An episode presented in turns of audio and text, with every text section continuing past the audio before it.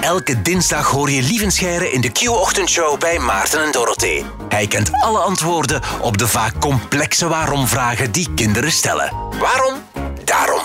Mijn eh, eerstgeborene Leon, vier jaar, trekt alles in twijfel. Hij probeert de wetten van de chemie, de fysica, de aardrijkskunde en de wiskunde te doorgronden met mijzelf, een niet zo verstandige radio-dj als gids. Ik heb hulp nodig en met mij nog heel veel andere mensen. Want elk kind gaat door zo'n waarom-fase. Al die vragen zijn trouwens eh, welkom in de Q-app. Ik wil eh, onze medewerker die alle antwoorden met zich meedraagt ook gerust eens uitlenen aan andere hopeloze ouders. Dat kan gerust. Lieve Scheire, goedemorgen. Een goede dag. Hallo. Hey, hey. Ehm, waar ben jij op dit moment eigenlijk mee bezig? Want dat is, allee, dat is altijd zo'n beetje speciaal in deze COVID-tijden. Goh, eh, veel thuis. Ik mag af en toe eens hier zijn ook. Hè. Dat, zijn, dat is dan mijn uitstapje. Hè. Ja. maar eh, wij nemen onze podcasts nu ook van thuis op. Hè. Dus dat is allemaal online dan. Nerdland, hè? Ja, Ja. dat is een, het Nerdland maandoverzicht. Ah, ja. Kijken we elke maand naar het wetenschapsnieuws van de maand. Maar we hebben net een, een special opgenomen. We kregen heel veel vragen over vaccinatie. Ah ja. Mij logisch op dit moment. Ehm, mensen zijn daar ongerust over. En het is logisch om ongerust te zijn als je niet precies weet hoe het werkt.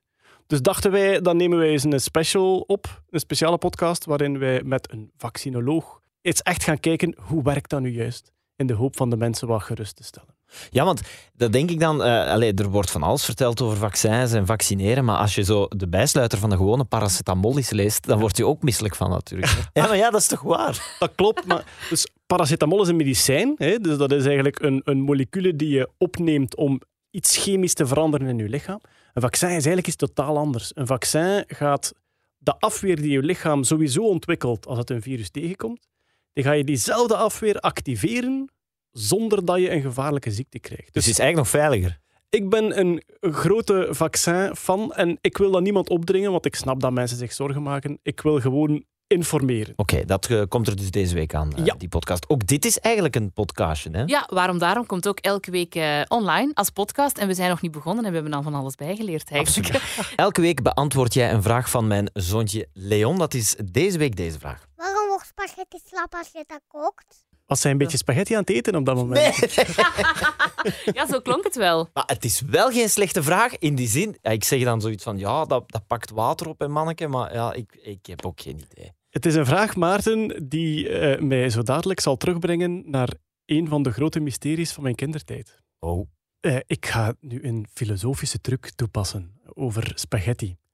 De vraag is eigenlijk: waarom is de spaghetti die wij kopen hard voordat je hem kookt? Want normaal, als je, als je verse pasta maakt, dan is dat altijd een beetje slap. Oké. Dus onze pasta wordt hard gemaakt om langer te bewaren. En dat is door te drogen. Dus als je, als je verse pasta maakt, heeft dat een... Ja, eigenlijk pasta is...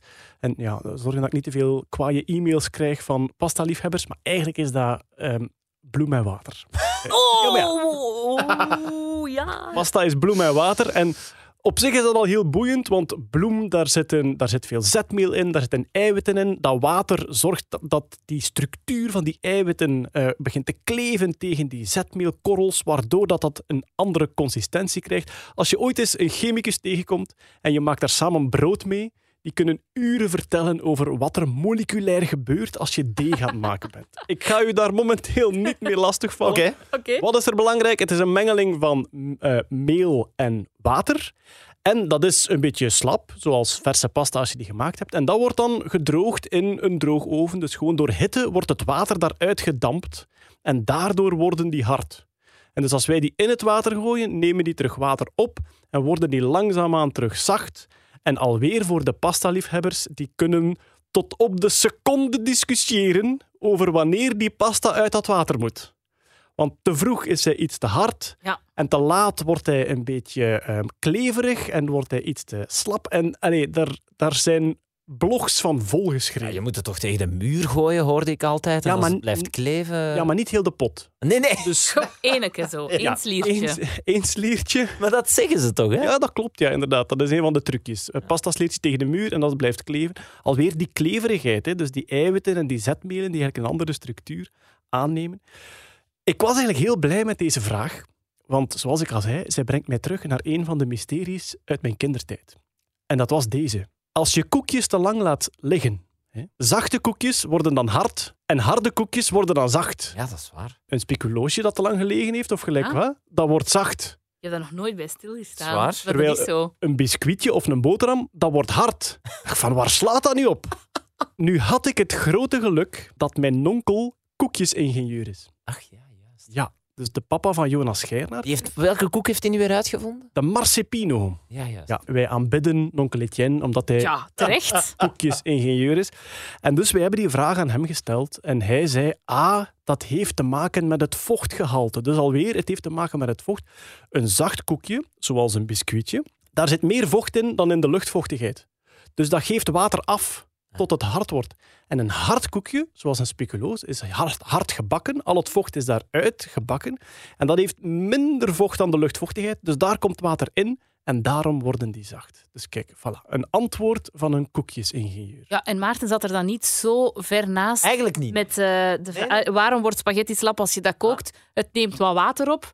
Eh, Was Maarten zijn Ja, antwoord nee, op was, eh, Het oké. zit er niet helemaal ver naast. Hè? Dat is eigenlijk het perfecte antwoord dat u al mijn gezaag van de voorbije minuten bespaart had. Ja, inderdaad. Eigenlijk eh, heeft Lieve Scheire zichzelf overbodig gemaakt bij klopt, deze. Fantastisch. Eh, ja, dan zien wij jou graag over een week terug eh, om jezelf dan weer overbodig te maken. hè, Met heel veel plezier. Ik ben zo graag overbodig. Tot dan. Dit was Waarom Daarom. Luister ook naar de andere afleveringen van deze podcast. Maarten en Dorothee hoor je elke ochtend van 6 tot 10 bij Q-Music.